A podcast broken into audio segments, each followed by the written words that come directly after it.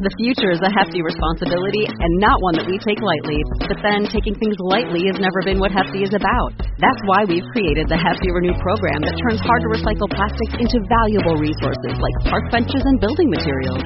To participate, simply fill up an orange Hefty Renew bag with accepted items, tie it up, and drop it in with your regular recycling.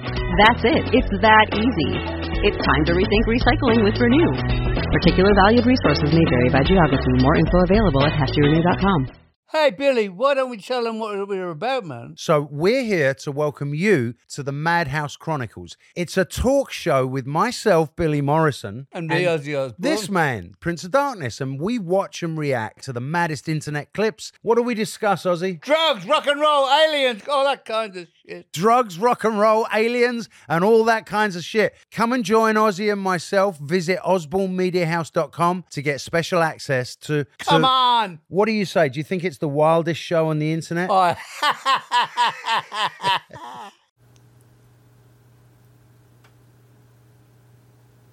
Fighting Through Episode 18 International Podcast Day Special. More great unpublished history. I'm Paul Cheall, son of Bill Cheall, whose World War II memoirs have been published by Pen and Sword in Fighting Through from Dunkirk to Hamburg. My dad was a soldier in the Green Howards, a northern British regiment with a proud and prestigious fighting history. Dad fought throughout the war from Dunkirk through to Sicily, North Africa D Day, and finally Hamburg, winning seven medals and a Wounded in Action stripe. The aim of my show is to give you snippets from my dad's book, as well as some fascinating memoirs and memories from his so called British band of brothers. So you'll be hearing a lot of great unpublished history with some very fine writing. There are some staggeringly good tales to tell about flying Lancasters, winning a military medal on D Day, captaining a ship during Dunkirk, and many more, all true and far more intriguing than any fiction. So get your tissues out, fasten your life belts, and get ready for a whirlwind of World War II memoirs and more.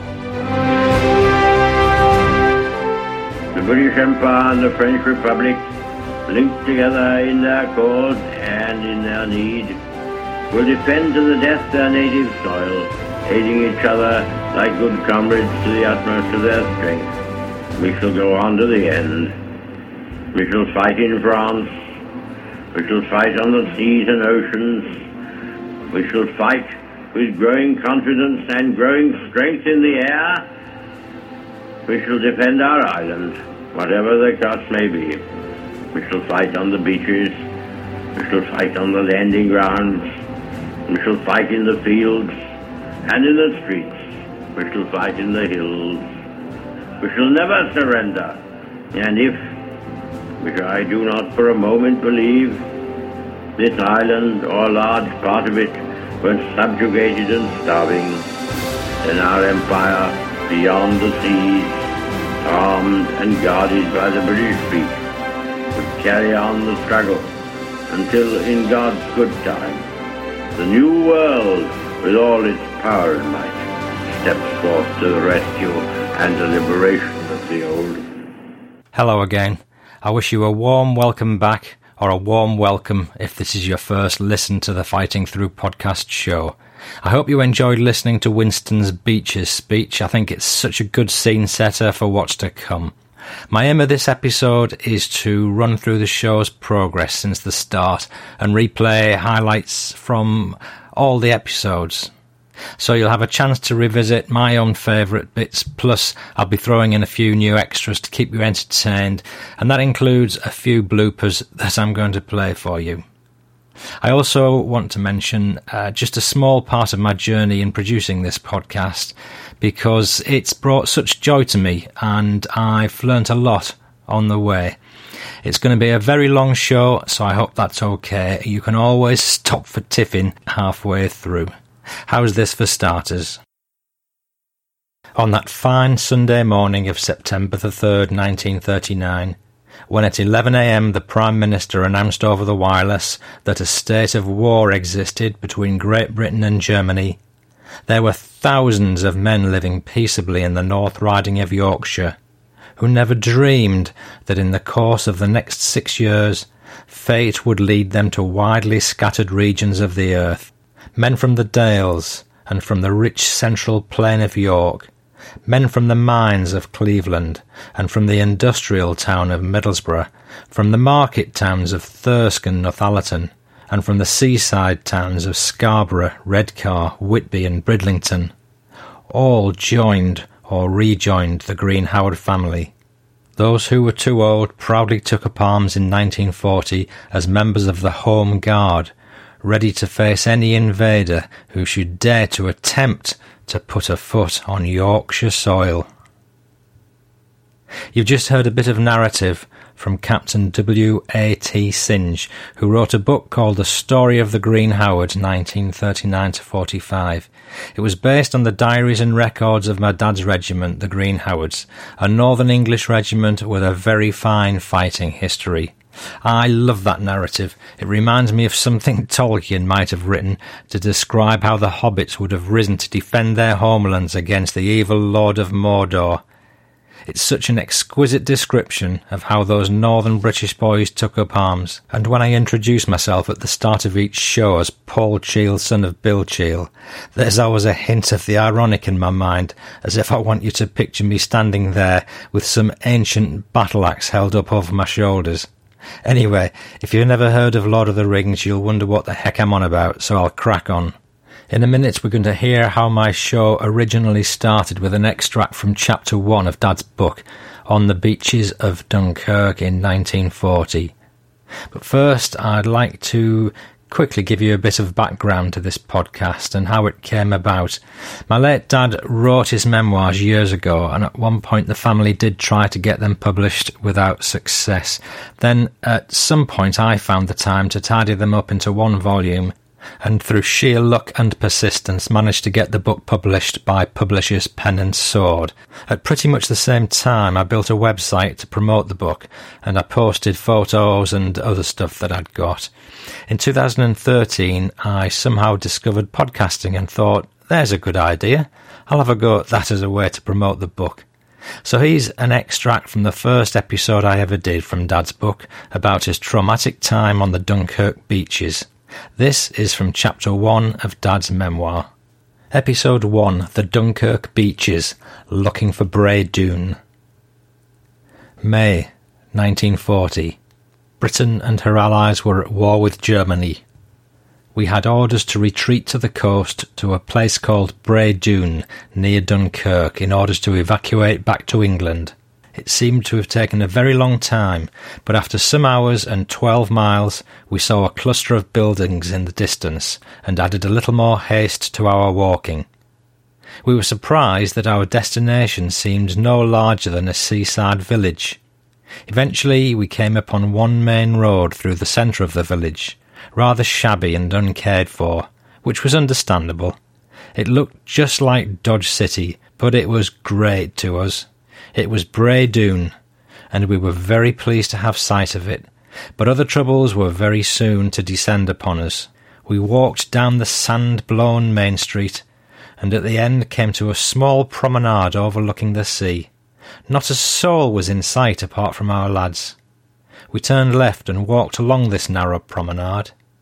It had a wooden rail along the seaward side, and there was a six-foot drop to the beach. We stood out and looked at the sea, which could mean our salvation. The other side of that water was England. Oh, that lovely sea, with England just on the other side. How simple. We walked to the end of the promenade, about two hundred yards, which led onto the deep, soft sand, followed by huge six-foot sandbanks. The sea was about two hundred yards away from the high water mark, and both east and west the beach was very flat. The accompanying sight which greeted us will forever live in our memories. On that beach, running both ways, there were many tens of thousands of khaki clad figures milling around for as far as we could see, but there was nowhere to go, and there were columns of soldiers three deep, going out to sea up to their shoulders, trying to get onto the small boats to take them to England. It was 30th of May. Many of the boys on the beach were in a sorry state. The Stukas had just been over. Dead soldiers and those badly wounded lay all over the place, and many of the wounded would die. It was tragic to see life ebbing away from young, healthy lives, and we could not do a thing about it. It was heartbreaking. What few stretcher bearers there were always gave of their best. They were extraordinary. How does one quantify devotion to duty under the conditions which prevailed in those days? The folk at home could not possibly have any idea what their boys were going through. There was no panic, just haste. We joined this mass of tired and hungry lads. Amidst all this tragedy, the Stukas would return, machine gunning the full length of the thousands of men. They could not miss, and a swathe of dead and wounded would be left behind. Really, it was awful. Many of us fired our rifles at the planes, but they were useless. Nobody can imagine what it's like to be bombed by a German Stuka. They came out of the sky, screaming straight down, then dropped their bombs and pulled up into the sky again. I don't know why we ran, it was just instinct, I suppose. Near the shoreline, one boy of about twenty, not far from me, had his stomach ripped open, and he was fighting to live, asking for his mum and crying. A few of us went to him, but he was too bad for us to help him. Blood was everywhere. The poor boy soon died out of pain to join his mates. It's the most dreadful experience to see a comrade killed in such a way. Some young lads who'd lost their nerve went crazy and lay on the sand crying. Others knelt and prayed. Mind you, I'm sure we all prayed in our own way. No one, of course, could help behaving like this. It was just because of the trauma they'd endured and had at last given way to their feelings. The near impossibility of getting back to England left many of us rather stunned, as it did not look possible. Our lads, or what was left of our battalion, stuck together among the sand dunes to obtain some protection from the bombing and strafing. We'd had nothing to eat except hard tack biscuits and bully beef. We hadn't had a hot meal for God knows how long, and the lads who normally shaved looked really haggard.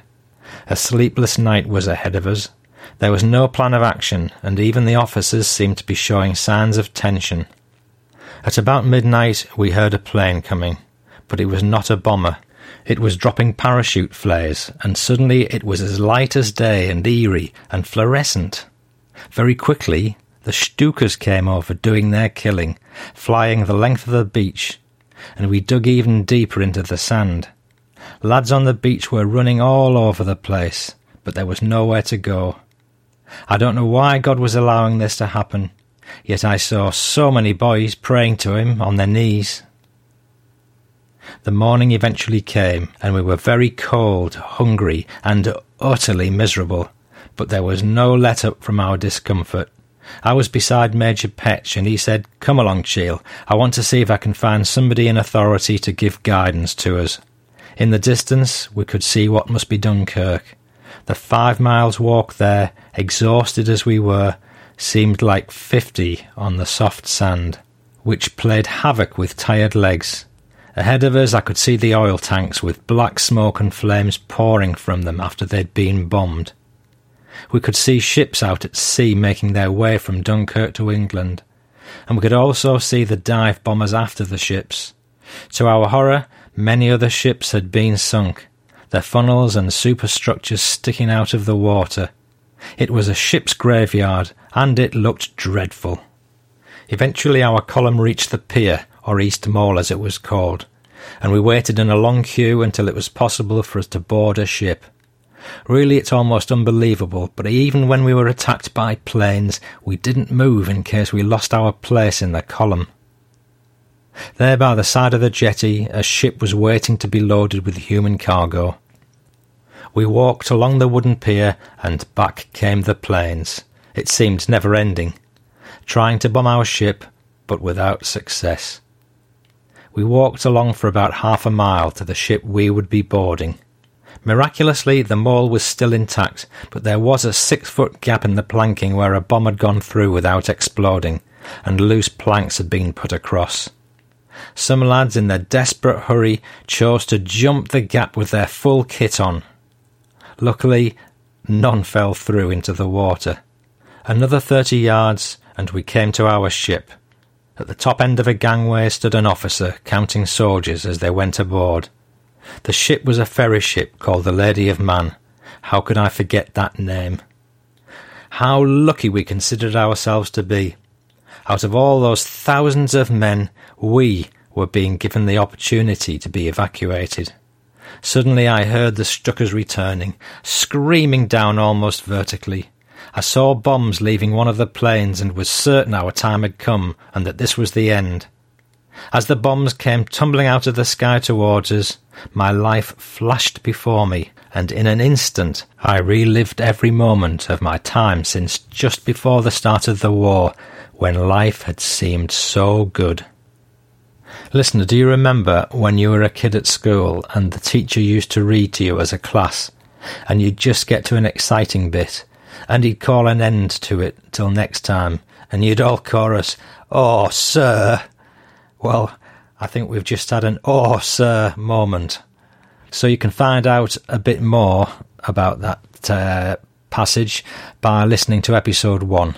Better still, buy Dad's book, Fighting Through from Dunkirk to Hamburg, hard book or e-book. Episode 9 was another Dunkirk diary by Dad's commanding officer, Major Petch, and there was a tragic anecdote where he talked about digging trenches in the sand dunes. Captain Carmichael later told us that all the men dug out holes in the sand to hide from the bombing of the German planes. They dug one for him, but when he arrived, two young, frightened soldiers from another battalion were hiding in it, and he said that they could stay there and he would go over the dune. Sadly, a mortar landed in the hole, and they were both killed. Listener, I'd like to leave Major Petch on a more positive note, so here's another anecdote from his memoir. There was considerable confusion throughout the Dunkirk campaign, with the enemy tanks continually getting round to our rear. One night our transport sergeant got lost and knocked on the door of a tank to ask the way. A Hun opened the door. Our, our, our sergeant fled on his bike unharmed. If you get a chance to read my episode 9 on Major Petch, do so. It's proving one of my most popular. Here's a little feedback about Dad's Bray Dune passage from one listener who gave me a lot of encouragement in my early podcasting days. I found the podcast on iTunes and it is stunning. I'm listening to it now with tears in my eyes. Your father's story has brought history alive, and your reading of his diaries is a wonderful tribute to him. The young boys were so brave. Thank you, Victoria, Brisbane, Australia. Thank you, Victoria, and thanks to the many other people who've encouraged me enormously with positive feedback. Listener, if you happen to go to the French battlegrounds and choose to take in Dune, I can tell you it really is interesting. You'll see the beaches, the sand dunes, uh, Dunkirk, five miles in the distance if you want to walk.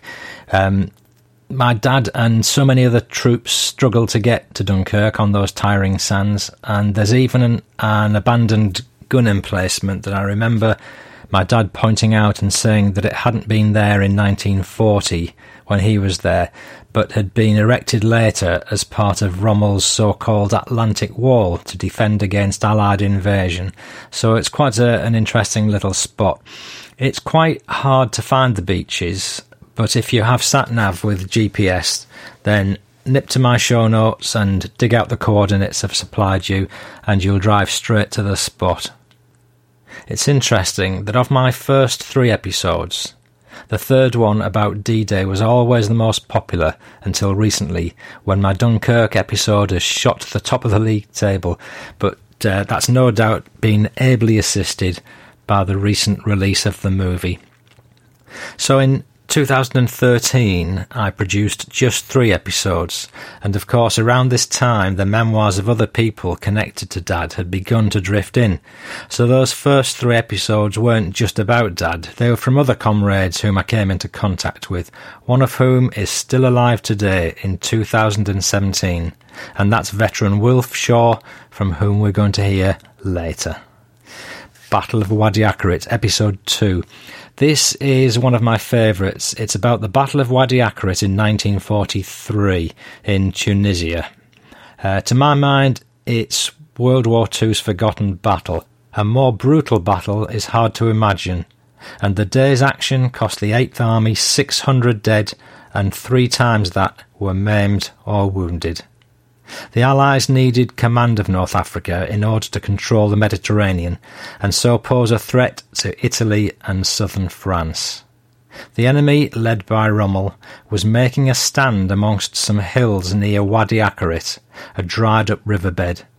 They had to be sent packing, to use General Montgomery's words.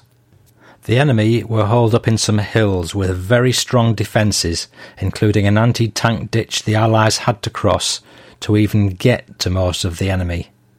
But even to get there, they had to cross a flat, open plain for several thousand yards, taking Point 85, a small hill also known as the Pimple, in the process. So this fight was the enemy's last major stand against the Allies before they were turfed out of North Africa for good.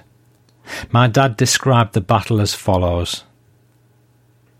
The enemy were ensconced in hills in the distance, only four miles away, and the plan of attack was as follows. The enemy held a good, strong position overlooking our every move on the perfectly flat plain over which we were to advance. The hills were rather steep at the front. Running along the length of the front of the lower ground was an anti tank ditch about six feet deep and eight feet wide, the whole area being mined and barbed wired we were given all the necessary information relating to the attack, with strict instructions to give the buggers hell.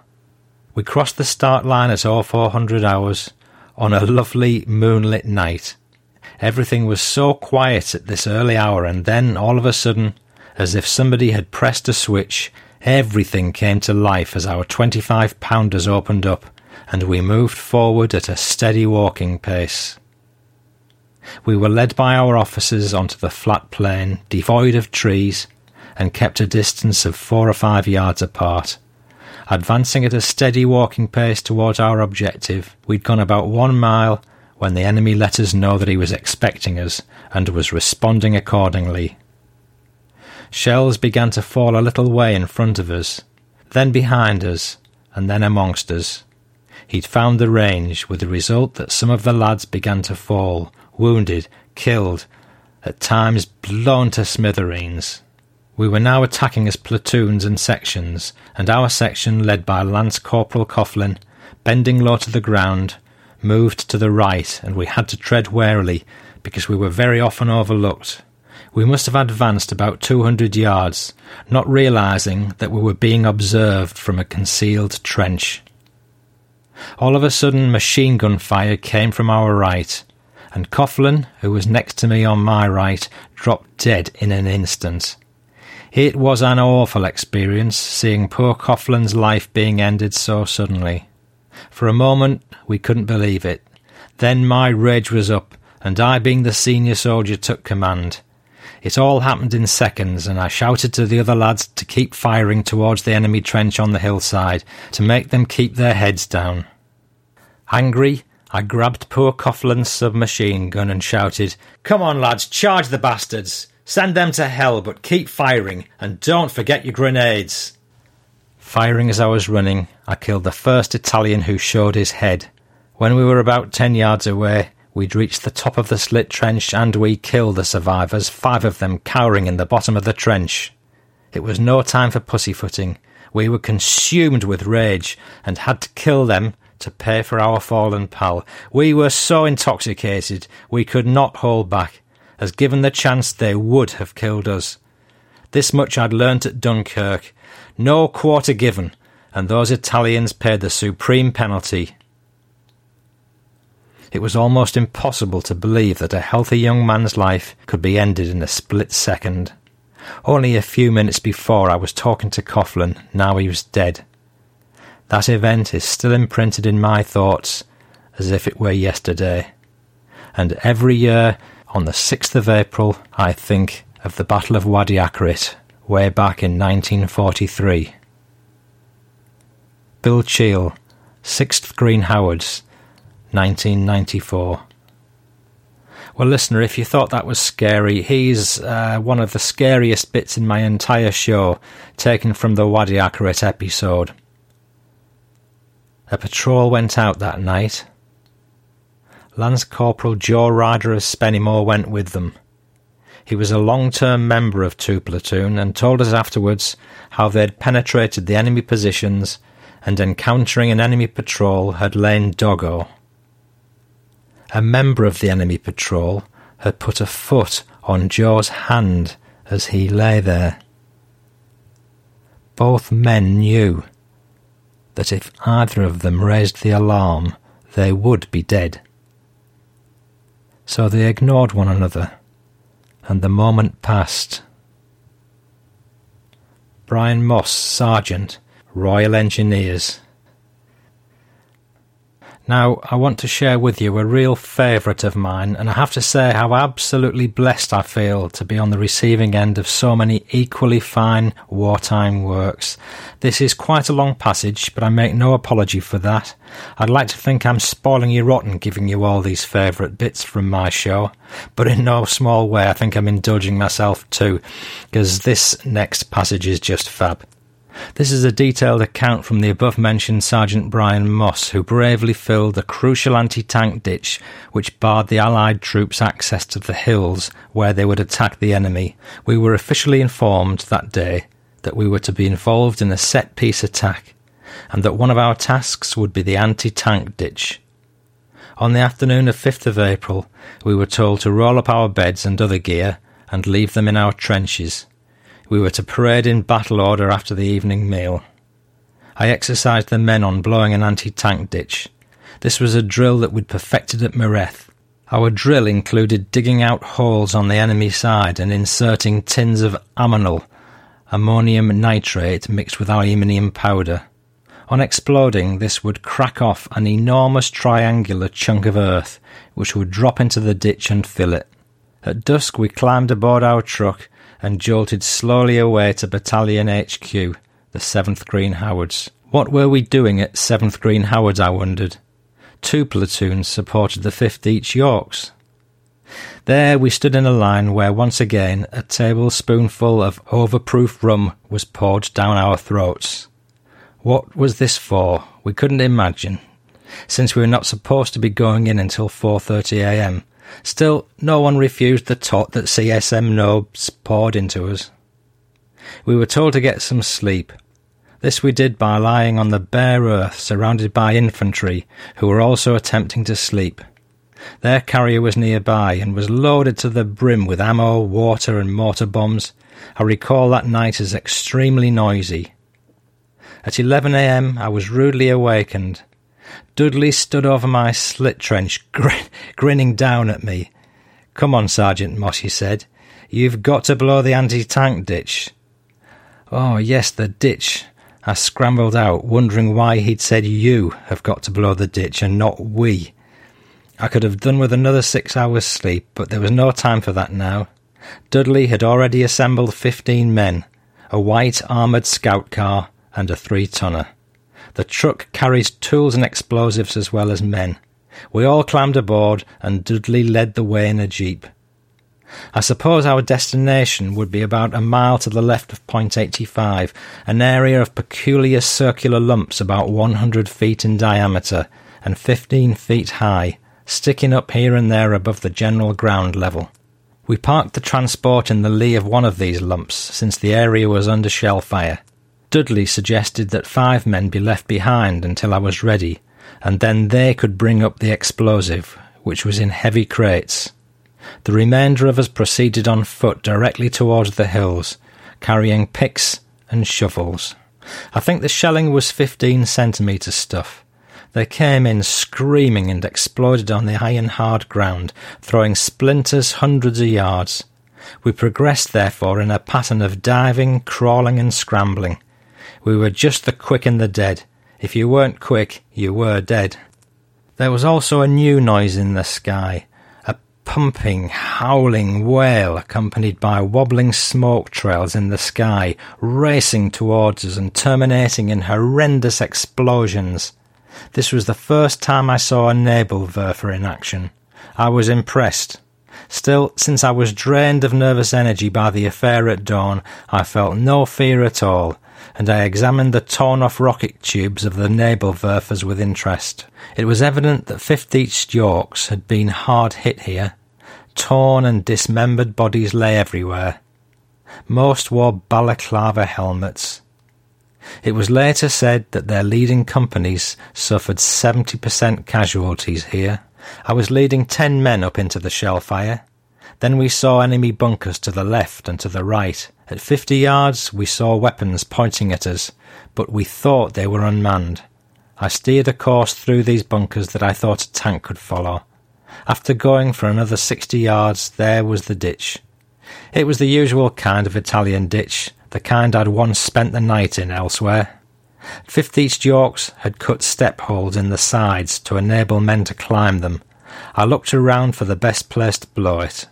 Although I didn't know it at the time, Fifth East Yorks were only just in front of us, held up by heavy fire. The fire to which we were subjected was aimed at Fifth East Yorks. I settled on a good place and decided to take out a shovel width trench, ten feet back from the edge of the ditch on the enemy side. I set the lads digging with the picks and shovels that they'd carried up there, and you should have seen them go at it. Their picks whirled and thudded, and their shovels hurled out the earth in fine style. To the rear, I could see tiny figures back there struggling up through the shell bursts with heavy crates. I waved so they could see where we were. The work was going well, so I detached three men to help move up the explosives. We finished the trench to a depth of three feet and a length of eight yards, and we prepared everything for the explosives. A shell burst suddenly obscured two carriers, and we were sure they must have been killed. But when the smoke cleared, they were still struggling towards us. We tore open the crates as they arrived, wrenching out the black tins of ammonal. Recalling an instructor's words, I laughed like a maniac and yelled, Ammonal must not come into contact with naked steel, as I ripped off the circular tin lids with a bayonet. We placed the open tins in the trench. I knotted primers onto lengths of primer cord, burying a primer in the contents of each tin. I then taped each length of primer cord to a main of the same material, arranging for the separate lengths to enter the main at a sweet curve which the detonating wave could safely follow. A detonator and two minutes of safety fuse completed my arrangements. The lads had been backfilling the trench while I worked. It was now time to blow the ditch. I sent all men into cover in the enemy bunkers. Then I did something that even now makes me laugh. I took out my whistle and blew a long blast signifying an imminent explosion. In view of what was dropping all around us, this was ludicrous and would not be heard anyway. I placed a match head on the obliquely cut safety fuse. You always cut the fuse on the slant. I stroked the matchbox across the match head, and the fuse started to burn. Then I too found a bunker. In due course there was an earth shock and a rumble. Stones fell all around. Then I peeped out. The blast had been remarkably successful. The sharp, deep V had gone. The ditch was more than three quarters filled, and the lip of the enemy side had disappeared. It was time for bent shovels. The bent shovel was a long handled Egyptian shovel, the steel neck of which had been heated and bent so that the blade was at right angles to the shaft. Each man had carried one of these as well as a pick or general service shovel and his rifle. We went like hell at that crossing with the bent shovels. With this kind of shovel you drag loosened earth towards you. We drag filled down towards the middle of the ditch, and within five minutes had shaped it into a gentle curve. damn good job, said Wally Douglas, and I agreed with him. Someone yelled and we looked back. Five hundred yards behind us, an endless stream of Shermans was approaching. The small figure directing them towards us was undoubtedly Lieutenant Dudley. These tanks were 10 Corps. The Shermans were painted a colour that was almost white. We stood there watching the approaching tanks and making last minute adjustments to our work. The first tank arrived, hesitated, and then lurched down into the crossing and roared triumphantly up onto the other side. The crossing worked. I indicated to the driver the way forward, and off it went.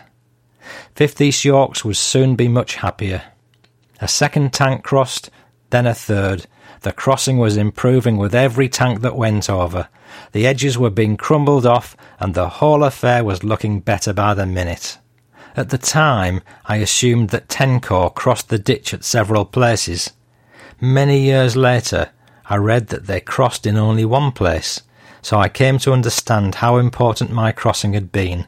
This was possibly the most important thing I ever did during the war. Brian Moss, Sergeant, 233 Field Company, Royal Engineers. Listener, I'd just like to add there what a gross understatement that was about possibly the most important thing he ever did during the war. When I listened to his other material when he was fighting at Wadi Akarit and particularly landing on Gold Beach on D Day, it kinda leaves me speechless. Listener, I wanted to try and shorten that passage for you, but uh, I couldn't find a suitable juncture to break it up. There was such a tension building, and how good was that when the first tank rolled across that ditch? Just brilliant. There's a short epilogue to the Wadi Akarit episode I'd like to share with you. It's about an experience Dad had shortly after the battle when he was ordered to bury some of the dead. After the meal, another boy and I were detailed to go and bury one of our lads who'd been killed. It was too hot to leave bodies lying around, and the stretcher bearers were busy taking care of the wounded, so off we went with our entrenching tools. Although I'd seen a good many dead soldiers, I'd never been called upon to bury one. Unfortunately, there was no body as such, only the gruesome remains. It had been blown to pieces, the legs and one arm were lying yards away.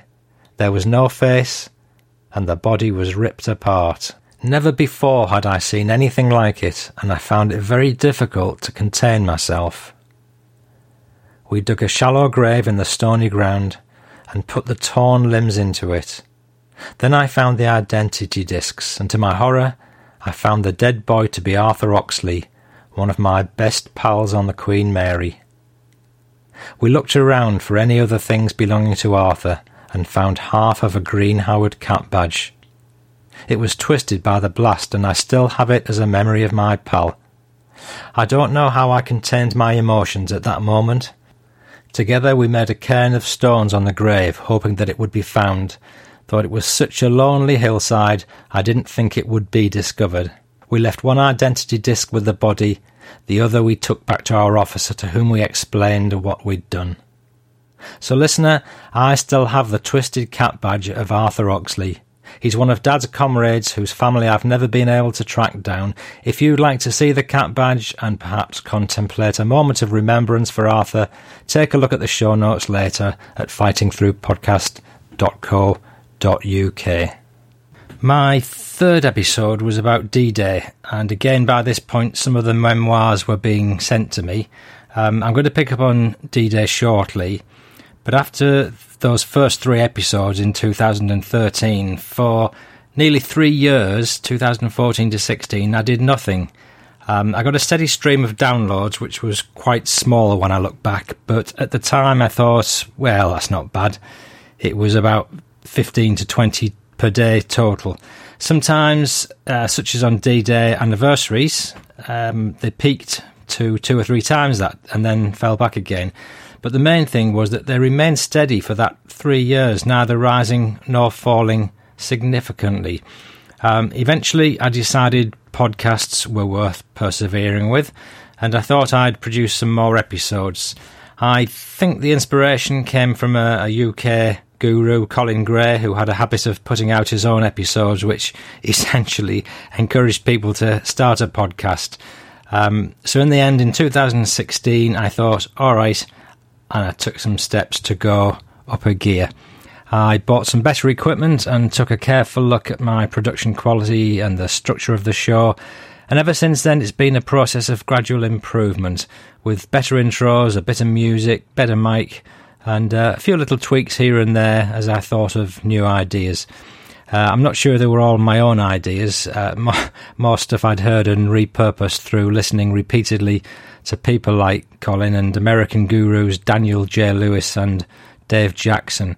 But gradually I've honed my show, and here I am, and 12 months later I'm producing episode 18 of the Fighting Through podcast. I don't think I'll ever fade out, so don't worry about that, listener whoever gets fed up doing something they enjoy as much as I do this. Um, there's no shortage of material, and every now and again, up pops another memoir that's just crying out to be read. I'm now going to skip forward a little bit to episode four to uh, cover an interview I did with Wilf Shaw, who's a veteran of World War II. Um, I met Wilf through the internet. He's in his 90s and still trespassing, as Wilf himself puts it. He once wrote to me out of the blue, having spotted my website, which is dedicated to extracts from Dad's book, and it's adorned with photos and memoirs connected with the Green Howards veterans. So, as a tech guru granddad, Wilf soon tracked me down and got in touch. He was wounded twice in action and still went back to fight with his comrades. In the recent past, he's been awarded the Légion d'honneur, which is France's highest medal of honour, um, and that was for his contribution to the Normandy campaign. Wilf's an amazing character who was in the Green Howards, the same regiment as my dad, and because they fought in the same battles, speaking to Wilf has got to be the next best thing to chatting to my dad. So, a lot of the questions I'd like to ask Dad, um, I've been able to put to Wilf. And I've done so with gusto, having met him several times now over in Manchester. So, I now have a load of material to share in future episodes of the show, including Wilf's memoir, Bright Burns the Memory. The first time we met, I asked Wilf where he liked to meet, and he suggested a certain large department store's restaurant coffee bar. I'd never been there before, but I thought, uh, yeah, should be quiet and comfortable enough. Little did I know just how noisy it was going to be, with screaming children, overzealous waitresses cleaning up crockery, etc. But luckily, I got some reasonable recording equipment which picked up the conversation, and without without the worst of the background racket. And I do think the informal environment helped us both to relax and brought out the better of Wilf's stories than would have been the case in a quiet studio, for instance. My favourite part of that meeting with Wilf was also one of the funniest war stories I've ever heard. This is what I call the latrine story. I'll tell you something that happened. It probably isn't worth repeating it any doing it. All right, uh, yeah. Uh, I'm, uh, I'm still afraid of the long arm of the army, you see. So, uh, oh, okay. Yeah, I'll yeah, tell you something that happened. Yeah. We stood to one night at Gazala, and I'm stood in a trench with Peter McKenna. And we used to stand for an hour at stand to at night, you know, right. certain times stand to. Yeah. And me, uh, my, my rifle, and uh, I was doing the pretend doing, you know, aiming. Yeah. Supposing that were just lining your gun up. I, yeah. I was trying the what do you call it, uh, first and second pressure on the trigger. Right. Anyway, I'm pointing this at the latrines, you know. right. And all at once, I must have pulled the trigger too bloody hard. and the, and I, I fired me, I, I fired, uh, fired a shot off, you know. Right. and they were bloody panic, panic, and uh, sergeant come and said, "Did you hear a shot?" And I said, "Yeah." He said, "Well, what?" it says over there. but the, the funny part was, all he had to do was pick up, pick, take my rifle off me and feel at it, and he, he'd, have, he'd have known Yeah. the heat. Because Yeah, the, the yeah, barrel was still warm, you know. Maybe he uh, gave you the benefit. So I remember yeah. he booed off and Peter McKenna said, he said, with a bloody stupid sod show, you know. Yeah, I thought you were going to say you shot somebody in the backside. I, I hesitate to tell that to anybody. 'cause- but I'll tell you what, the next time I went to the latrines, it uh, it proved the accuracy of my uh, doings. There was a bu- uh, actually bullet hole right through the bloody latrines. oh God! Well, if you're struggling to find the the most humorous story during your war, Wilf, I just I think you just found it. This leads me to my first blooper of the uh, show because to, towards the end of the meeting with Wilf, uh, we were both lamenting the state of the world and whether all the fighting had been worth it. Uh, what's better today than yesterday? Wilf was asking. An innocent question, but it was followed by a scary and totally unplanned result. it makes you think that what what you went and blokes died for and were prepared to lay their life down for. You'd, you'd have thought we'd, we'd have made some kind of progression, but There's still you, fighting you and just have to ask yourself, you know, was it all worthwhile? Yeah. You can't help, you can't help but uh, share the feelings of a lot of people who who say it, wa- it wasn't, you know, it wasn't, it was never worthwhile. You know. I guess um, to me, not not being directly involved in this, obviously, but I'm sure we've got a better world than we would have had had we not won the war. You think so? Well, would have been would have had the Nazis in charge of us, wouldn't we? Um, the worst had come to the worst, that is. I'll tell you a question my Michael, my son, asked me. He said to me last time, he said, Can you tell me something today that's better than it was 50 years ago? It's funny, just had a little message pop up on my phone as almost an answer to that, which is just sort of recognising the fact that we've got the internet now. We didn't used to have the internet, but we'll we'll discard that thought. Um, yeah, it's a good question, isn't it? So there you go. Any budding podcasters, don't forget to turn your phone off during a recording session because I guarantee you won't have the same billion to one chance of luck that I did with your timing. Um, but uh, any humorous overtones to Wilf's engaging storytelling are undoubtedly overshadowed by his tale of fighting in the desert in the Battle of El Alamein.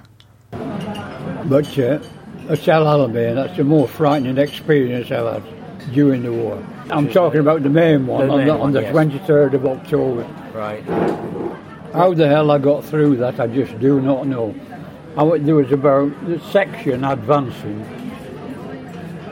to this uh, this challenge. And There must have been 50 or 70 yards away initially, Right. but we were behind a bit of a ridge here, and then we got the order to advance, and I was extreme right. Oddly enough, the chap next to me was another chap from Oldham Yeah. called uh, Bill Diggle. And uh, these uh, Bredas opened up on us, the Italian Breda gun. And uh, oh, bloody chaos, and we all hit the deck. Diggle next to me, being across, across here in his mouth. And uh, I flung myself on the ground and put the rim of my steel helmet in the ground like that. Sure, I got a, a bullet straight through the straight through the front of the steel helmet, ah, and it, it it knocked the metal back and dropped on the camouflage. And me, like a fool, I threw I threw the bullet away in a bit of a mad temper, you know. I put put my hand in. You should have kept it as a souvenir. It was the following day after after the episode with the doings. The helmet, right. I was moved to another sec, uh, another uh, platoon. Yeah. and uh, there was I had to go into action again, uh, do the same thing as I'd done the night before, Yeah. and uh, we were move, moving along, and and uh, this shelling started, flung myself on the ground, and the next thing I knew, my arm went round my head somewhere, and I'd been hit in my armpit here and came out the front here. Yeah. So, Have you still got the scars from it? yeah. yeah. And because you, you got wounded in the foot in another Yeah, battle, yeah. you? the, Well, the one in my foot, it went straight through my boot, straight through my boot, and me uh, the part that sticks down. That's called os calcis. Yeah. Your heel bone, in another word. And such was the force, it went straight through and out with the other side. I got up and started walking, and somebody come to me and said, "To this day, I can't, I can't believe I got, th- I got through that." Episode 5 was an interview I did with Claude Reynolds, whom I'd made friends with before I even realised he'd only been a rear gunner in a Lancaster. Claude had more stories than Heinz have varieties, and one day he let me interview him. That was before I'd even heard of podcasts. I just thought it would be a bit of fun, and little did I realise what I'd make use of with the recording in future. The one thing I could kick myself about regarding my dad's memoirs that I'd never spent even three minutes recording anything he reminisced about, and of course it's too late now. So, listener, if you have an elderly relative, or even a, a middle-aged relative, I'd recommend just one weekend instead of going to the footy or the baseball or the beach, take some time out and talk to them. Record it on anything you have. It really doesn't matter that much. Talk to them. Talk to them about their youth, their job, their successes, failures, concerns, uh, the joys, and of course their military experience. Anything really, because in fifty year in fifty years' time, you or your children might just find it fascinating and useful for any number of things. Now, Claude, he was a rear gunner in a World War II Lancaster, and here's a few tales he's told me. This first uh, extract is Claude talking about uh, being in quite a dodgy situation flying on a Lancaster and telling me how cold it was. Are there any particularly hairy missions you went on? You remember? Well, the, the, the, I did the last one on my birthday, the 12th of December, and that was that was the uh, last one of the 30, Yeah. and that weren't enemy action, that was weather. And we was we come we had to go over. I remember we had to go over the French Alps, and that was really bad. The weather was. I think the weather was about the worst thing there was was, was about it really. Apart from over the target, because you got a lot of flak and.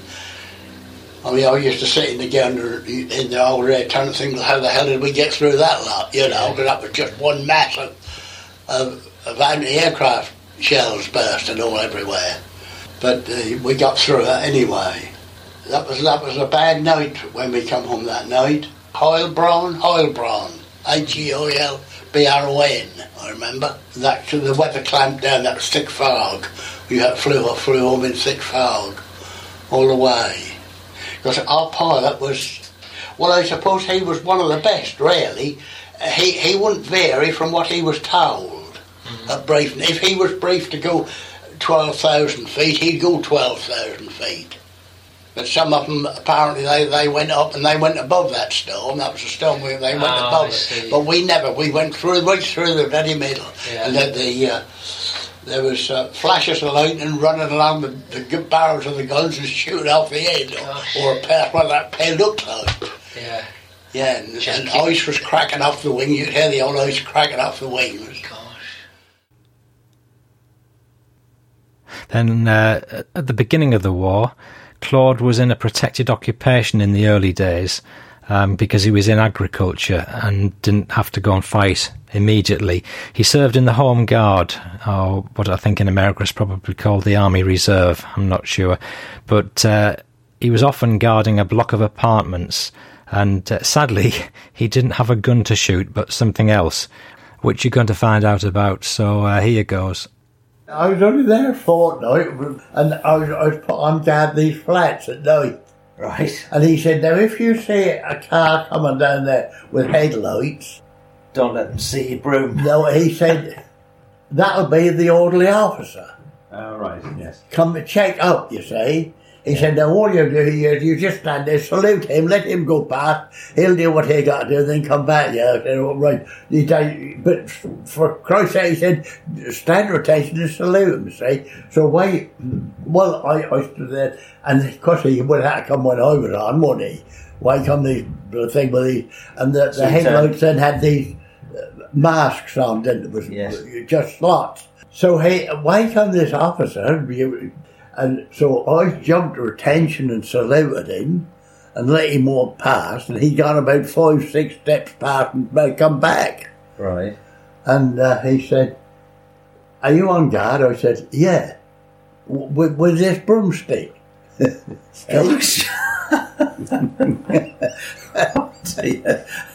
so he said, Why did you let me through? Well, I, I said, You're an officer. I, I, I, I, and I, I, I had to salute you and let, let you go through. Yeah. He said, "You didn't, you didn't uh, challenge me at all, did you?" I said, "No, I didn't challenge nobody." He said, "I could have been a German." Yes. Yeah. See? He said, "You should have said Holland. Who goes there?" I said, "Well." And I thought, I had a good mind to say, well, the sergeant never told me that. because I didn't. It's, And yet I got put on charge of in- insubordination. Did you? The bloody officer. Oh, honestly, as if they haven't got enough to do, eh? yeah. Listener, I'm about to draw to a close, but before I do, and before you uh, stick on fast forward and disappear, uh, I've got one little postscript, if you like, uh, to finish the episode off. It's a little bit of information about Arthur Oxley, which you may recall was killed during the Battle of Wadi Akarit, and Dad was called upon to bury Arthur, and uh, him and his colleague put Arthur's body, or the bits of it, under a cairn of stones in rather a remote place. And uh, Dad remarked at the time whether or not uh, he thought thought the body would ever be recovered.